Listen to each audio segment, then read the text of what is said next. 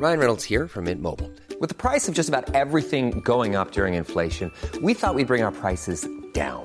So to help us, we brought in a reverse auctioneer, which is apparently a thing. Mint Mobile unlimited premium wireless. Ready to get 30, 30, bit to get 30, bit to get 20, 20, 20, bit to get 20, 20, bit to get 15, 15, 15, 15 just 15 bucks a month. So, Give it a try at mintmobile.com slash switch. $45 upfront for three months plus taxes and fees. Promo for new customers for limited time. Unlimited more than 40 gigabytes per month. Slows. Full terms at mintmobile.com.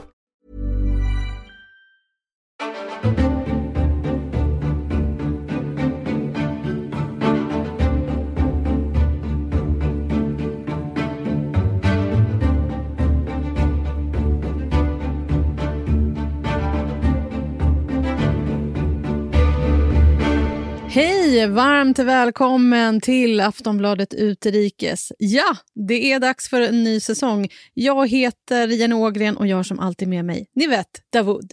Hallå! Hallå! Hur mår du? Hej. Jag mår bara fint. Vad fint. Nu är det dags att köra.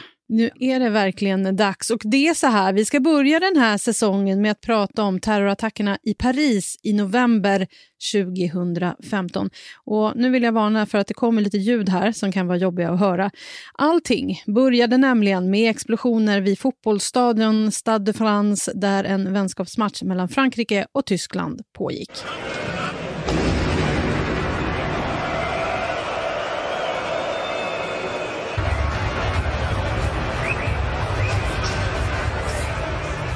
Och efter det så följde flera attacker mot restauranger och barer. Sen slog terroristerna till mot konsertlokalen Bataclan.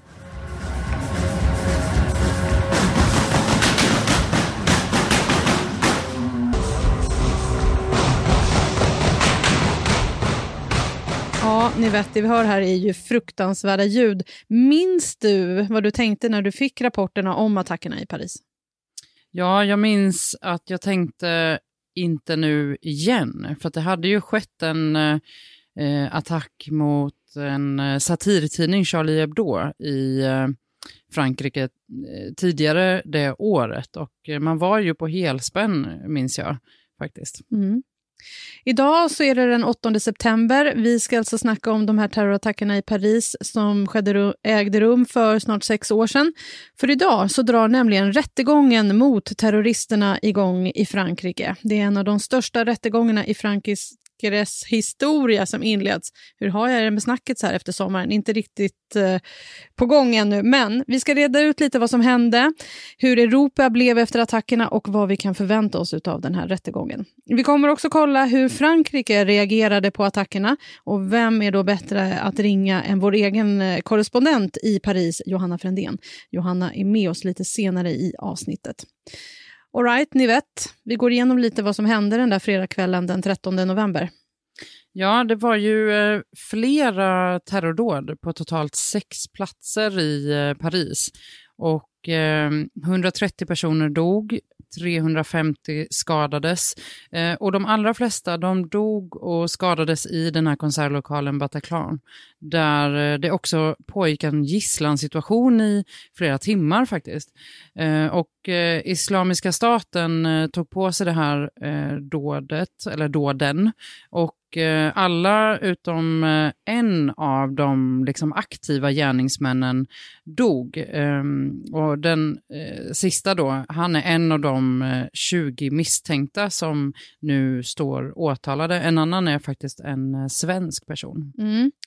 Vad kan man säga om den här attacken som IS utförde? Vad var det som gjorde den så himla speciell?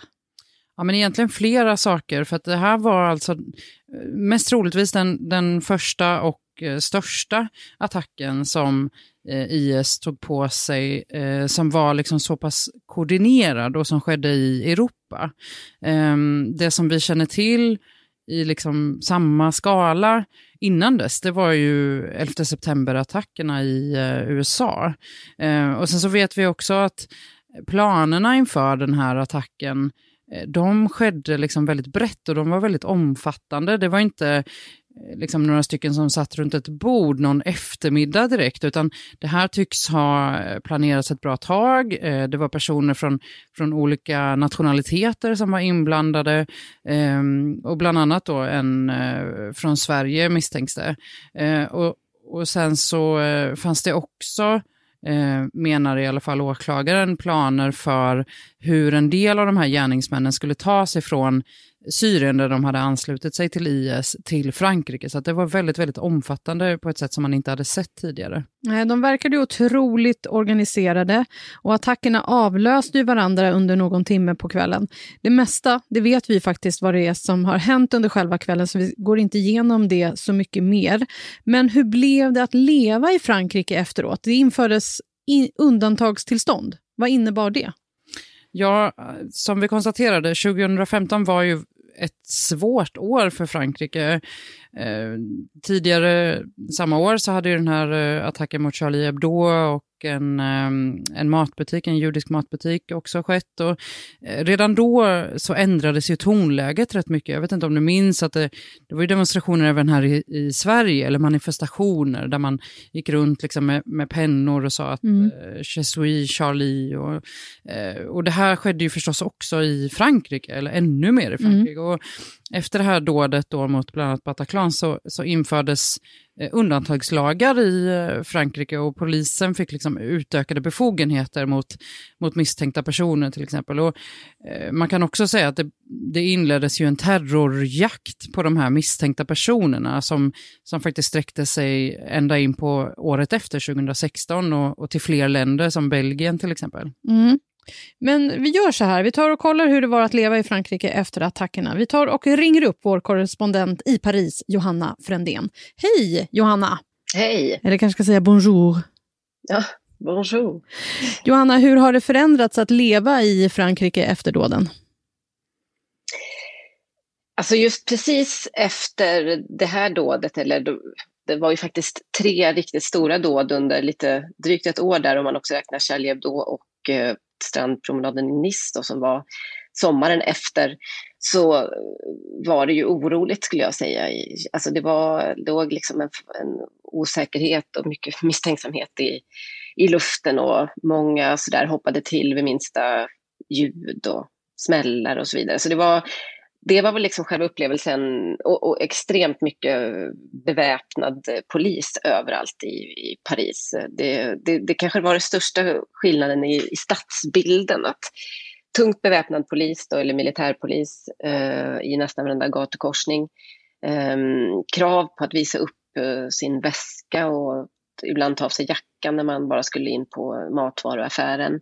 Eh, mycket misstänksamhet men också ett lite lugnare, liksom lite snällare Paris tycker jag man kan säga. Det var som att för, ja, folk blev lite mjukare i kanterna kanske också som det ju blir när man liksom genomlider en sån här kollektiv eh, tragedi som det ju var trots allt. Det infördes undantagstillstånd, något som faktiskt varade i flera år, eller hur? Det gjorde det. Det varade i minst två år. Eh, nu har det ju varit igen då med under pandemin så att eh, jag läste någonstans att de senaste sex åren så har det varit eh, ungefär lika mycket undantagstillstånd som inte i, eh, fast av lite olika karaktärer eller vad man ska säga, av, av lite olika skäl i alla fall, i Frankrike. Eh, det, det, mm, det, det, är klart att det, det antiterrorundantagstillståndet, om vi ska kalla det så, som sen permanentades som lag i lite mildare variant är ju kanske den största skillnaden om man tittar till eh, rättsstaten. Eh, polisen har fått, ja, inte bara polisen, men hela den franska byråkratin har fått liksom helt eh, andra befogenheter när det kommer till att övervaka människor till exempel, när det kommer till att ja, vad ska man säga, tvinga folk att stanna hemma, stänga offentliga platser och så vidare på ett sätt som inte fanns innan. Ja, men precis. Eh, de här permanentade eh, terrorlagarna, vad, vad innebär det för vanliga människor? Hur mycket påverkar det? För vanliga människor tror jag inte, kanske inte påverkar så otroligt mycket. Det, det påverkar ju när du hamnar i, i trubbel helt enkelt. Alltså att, eh, jag menar, det, till exempel så har ju du kan ju bli misstänkt för någonting och inte riktigt behöva eller kunna försvara dig på ett normalt sätt eller man ska säga. För det behövs inte samma eh, för att göra till exempel en, en husrannsakan så behöver inte polisen ett eh, domstolsbeslut som var fallet innan utan eh, det går snabbare, befogenheterna är större. Så att det, det är klart att jättemånga människor har drabbats av det här också vanliga människor så att säga.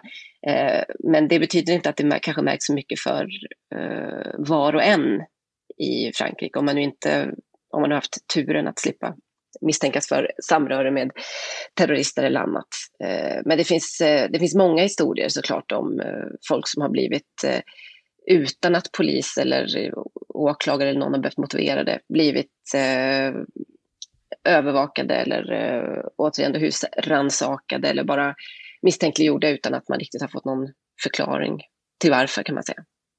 Men den här skärpta kontrollen av liksom samhället som har skett i Frankrike och, och kanske andra delar i Europa också efter de här terrorattackerna.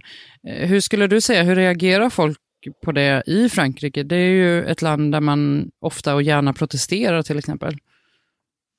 Ja visst, och jag, jag, tycker det är lite förvånande hur relativt enkelt allt det här så att säga, gick igenom. Det var inte så, det är inte så att det har saknats invändningar såklart eller protester, men det har inte alls varit någon massrörelse skulle jag säga mot eh, eh, den, de här liksom, friheterna som tas ifrån folk, för det handlar ju faktiskt om det.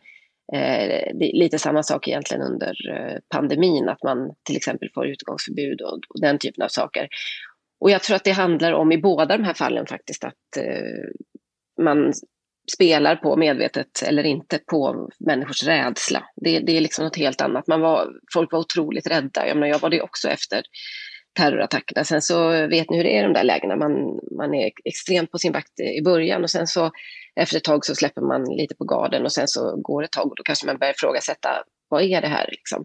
Men jag skulle säga att det, det, det ifrågasätts eh, de här lagarna ibland från um, intellektuella till exempel eller eh, ja, det kan vara opinionsbildare, ledare i tidningarna och sånt där som påpekar med jämna mellanrum att vi, att vi lever i ett sorts permanent undantagstillstånd och att det är, är problematiskt i en demokrati och så.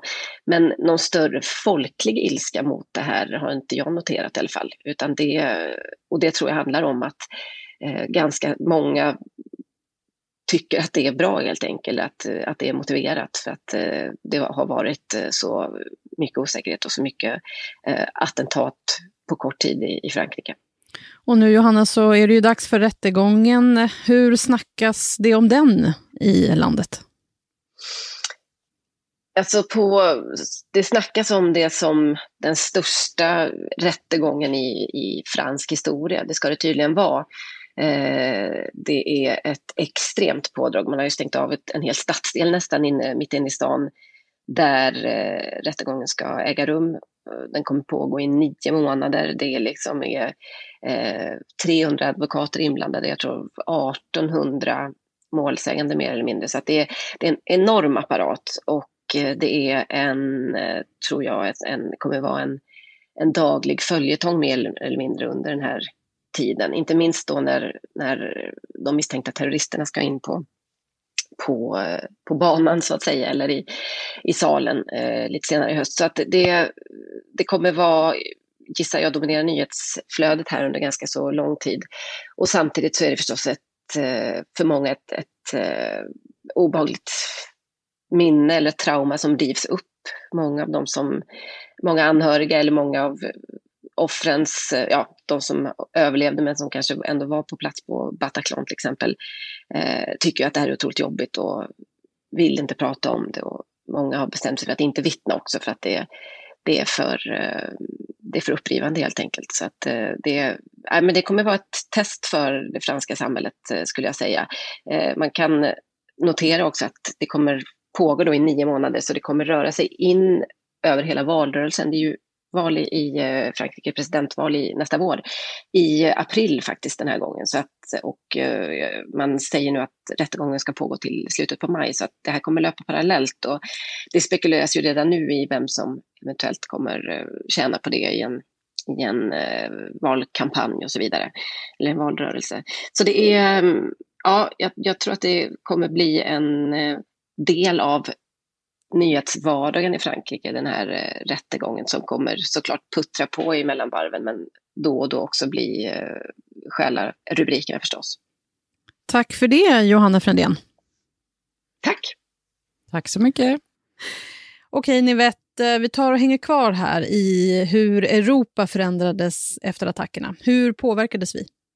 Ja, men det blev ju en stor förändring för eh, Europa och, och över tid kan man nog säga. För att eh, vi ska ju komma ihåg det att eh, det hade, den här förändringen hade börjat ske eh, kanske redan året innan, 2014, när eh, terrorsekten Islamiska staten eh, utropade sitt eh, kalifat ehm, och också sa Eh, gång på gång och väldigt tydligt och uppmanade liksom sina anhängare att rikta dåden mot eh, länder i väst. Eh, så det var, Europa var på helspänn ärligt talat. Och när, när det här skedde, både med Charlie Hebdo men sen så också det här omfattande dådet i ehm, i november i, ehm, i Frankrike, så, så såg e EU-länderna, eller liksom länderna i Europa, att det, vi måste ha ett tätare samarbete. Um, och man kan nog faktiskt beskriva det som att de, de fick liksom eld i baken. De blev lite, skulle jag säga, tagna på sängen. I alla fall var det intrycket man kunde få. Och Numera så delas ju mycket mer liksom underrättelseinformation eh, och samarbetet Eh, alltså eh, EU, EUs polismyndighet Europol har fått ganska mycket mer eh, ansvar och liksom det här har tagits upp i liksom, eh, e EU-parlamentet, det finns olika lagar och så vidare. Och, eh, nu säger både svenska Säpo men också eh, Europol att man lyckas avvärja många, många fler dåd där liksom större grupperingar planerar liknande liksom Bataclan och sådär. Eh, men att de här ensamagerande personerna, de är fortfarande ganska, eller väldigt svåra att komma åt och att det är den typen av dåd som sker nu. Även om de, det ska verkligen poängteras, att de är mycket färre nu än, än kring tiden när, när IS var liksom mer aktiva. Så vilken typ av attacker fick vi se efter det här? Ja, men de attackerna som eh, vi kunde se efter Eh, ja, men Bataclandådet, det, eh, ehm, det gick mer åt hållet ensamagerande. Eh, till exempel lastbilsattacken i Nice, eh, eller för den delen terrordådet eh, som var här i Stockholm på, på Drottninggatan, eh, då användes ju en eh, lastbil. Eh, och eh, Europol har ju blivit mycket bättre på att också kartlägga det här och ser att eh, just de attackerna som planeras av flera personer som, som också kräver lite mer och som, eh, ja, men som, som antagligen också hade kunnat eh, döda fler. Det är de som man lyckas avvärja genom bättre liksom, underrättelseinformation, genom signalspaning och, och liknande. Men just de här ensamagerande som, som kör en lastbil eller som attackerar med kniv till exempel, de är liksom svårare att avvärja och det är de som vi fortfarande ser faktiskt än idag. Mm, men under de här senaste åren nu då, har det alltid varit IS som ligger bakom? Ja, men det var ju en period där som IS tog på sig den typen av eh, terrordåd. Eh, och det betyder, det ska man verkligen ha med sig, att det betyder inte alltid att, de, att det, det liksom var en organisation som var med och planerade från start och eh, ja, men att det fanns en omfattande liksom, logistik och sådär. Utan ofta så kunde det räcka med att gärningsmannen eller gärningsmännen svor sin trohet till IS eller på liksom, något sätt var radikaliserad jihadist. Och, Eh, då var det som att, kan man säga, IS passade på, för att eh, det var ju den här retoriken man hade, att man uppmuntrade till liksom, dåd mot västvärlden. Men sen då, Ehm, efter, eh, kan man säga, 2015, eh, så, så när Europol tittar på det här så delar man upp olika attacker, eh, både sådana som man har lyckats avvärja och sådana som har genomförts. De delar man upp i liksom högerextremism, vänsterextremism och jihadistattacker. Och det man kan säga nu är att det sker i alla fall planer på attacker från alla håll.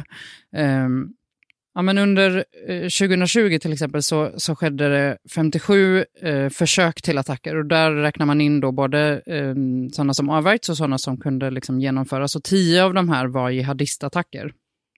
Så det säger kanske någonting. Um, alla de attackerna bedömdes för övrigt vara eh, ensamagerande eh, som liksom låg bakom. Eh, och eh, Eh, det man också kan säga här, det är faktiskt att eh, just jihadistattackerna, de, eh, även om de inte liksom är i majoritet, så är det oftast de som är mest dödliga. Men sammanfattningsvis, det är många fler som grips numera och det är mycket färre personer som dör i terrorattacker. Mm. Efter många år så lyckades man ju 2019 till slut störta IS och de syriska styrkorna tillsammans med USA återtog det sista området som IS ockuperat i Syrien. Har det betytt slutet för terrorattacker som vi har sett på något sätt också vant oss vid? Ja, alltså svaret är egentligen både ja och nej. För att, um, alltså, den, den, de förberedelserna och de här grunderna som fanns för eh, den attacken som skedde i, i eh, Paris eh, 2015, de eh, grunderna finns inte riktigt kvar på samma sätt. Men samtidigt så vet vi ju att det här med att människor radikaliseras, det finns ju absolut kvar och det sker attacker. Jag nämnde ju precis nu hur många det hade eh, både avvärjts och, och genomförts eh, under 2020, men, men det är inte alls i samma utsträckning som vi såg där kring 2015-2016. Sen, ni vet, vi lever ju också mitt i en pandemi. Eh, hur mycket har pandemin påverkat? Ja, men en del faktiskt. Alltså, dels har det ju varit svårt att resa mellan länder exempelvis. Eh, och ibland faktiskt också inne i länder på grund av restriktioner. Eh, men sen så kan också Europol, och det vet jag att också Säpo säger, att att det är många som har radikaliserats under pandemin. För att mm, ja, men den sociala isoleringen har varit större, många hänger på nätet mycket mer till exempel och eh, konspirationsteorier från alla håll faktiskt eh, ökar. Liksom.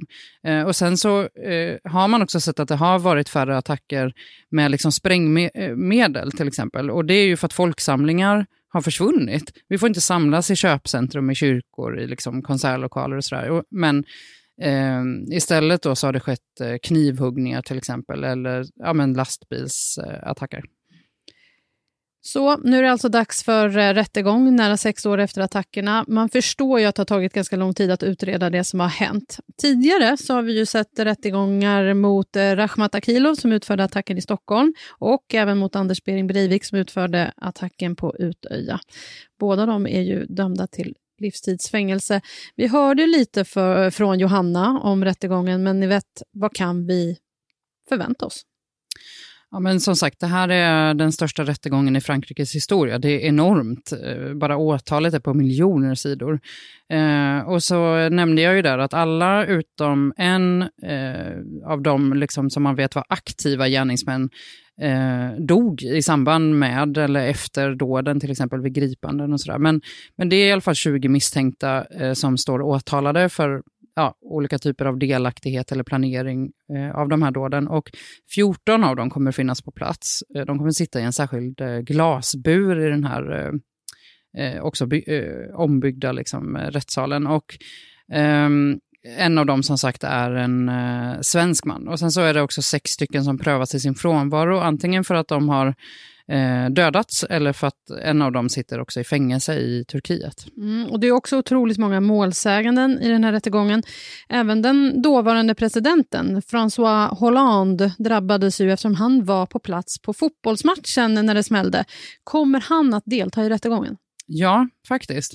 Eh, han var ju som sagt på arenan, han blev inte skadad eller liknande, han tog sig säkerhet. Men eh, han kommer höras ganska tidigt faktiskt, redan i eh, november, om eh, eh, liksom läget i det franska samhället under den här tiden. För det, Ehm, det här är ju en händelse som har påverkat så pass mycket och då vill man ju liksom också rama in den med, med hur stämningen var. Liksom. Och, ehm, jag nämnde ju det förut, att man, det var, fanns varningar för IS-dåd och, och sådär. Så det, det kommer ju bli väldigt intressant att höra hans bild. Mm, det kommer det verkligen bli. Och sen som, som du sa, en av de gärningsmännen som faktiskt överlevde eh, är med. Kommer vi få höra honom prata?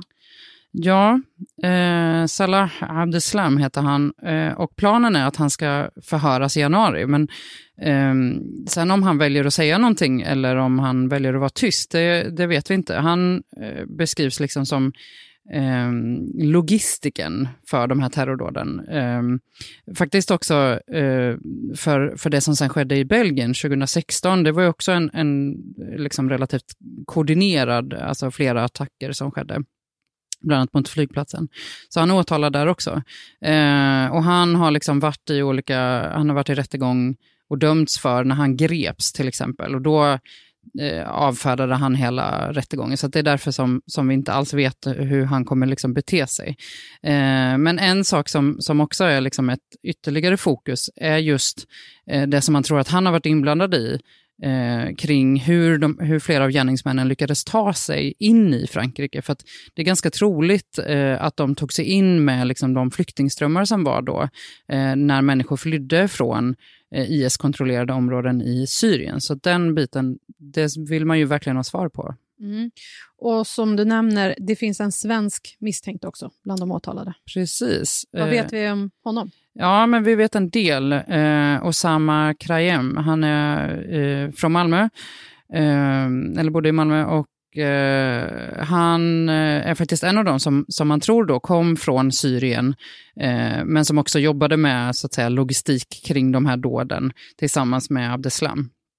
Han är faktiskt också eh, misstänkt för eh, terrordåden i Bryssel. Så vi får se om han ja, hur han kommer att bete sig så att säga i den här rättegången också. Mm, och vi har pratat om det, rättegången pågår i flera månader. Eh, när förväntas det komma en dom?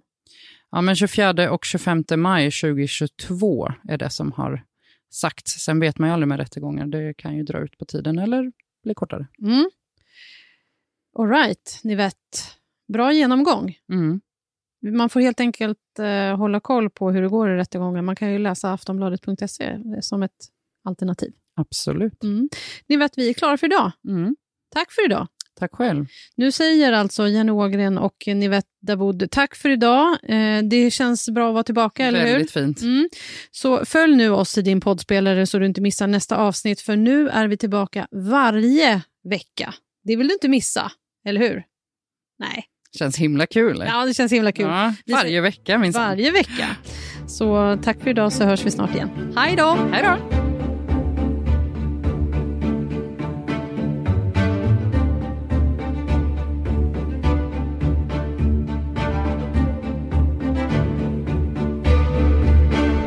Du har lyssnat på en podcast från Aftonbladet.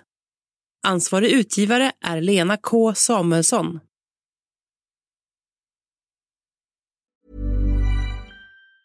Tired of ads barging into your favorite news podcasts? Good news. Ad-free listening is available on Amazon Music. For all the music plus top podcasts included with your Prime membership.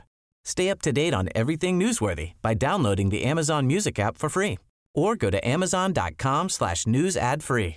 That's amazon.com slash news ad free to catch up on the latest episodes without the ads.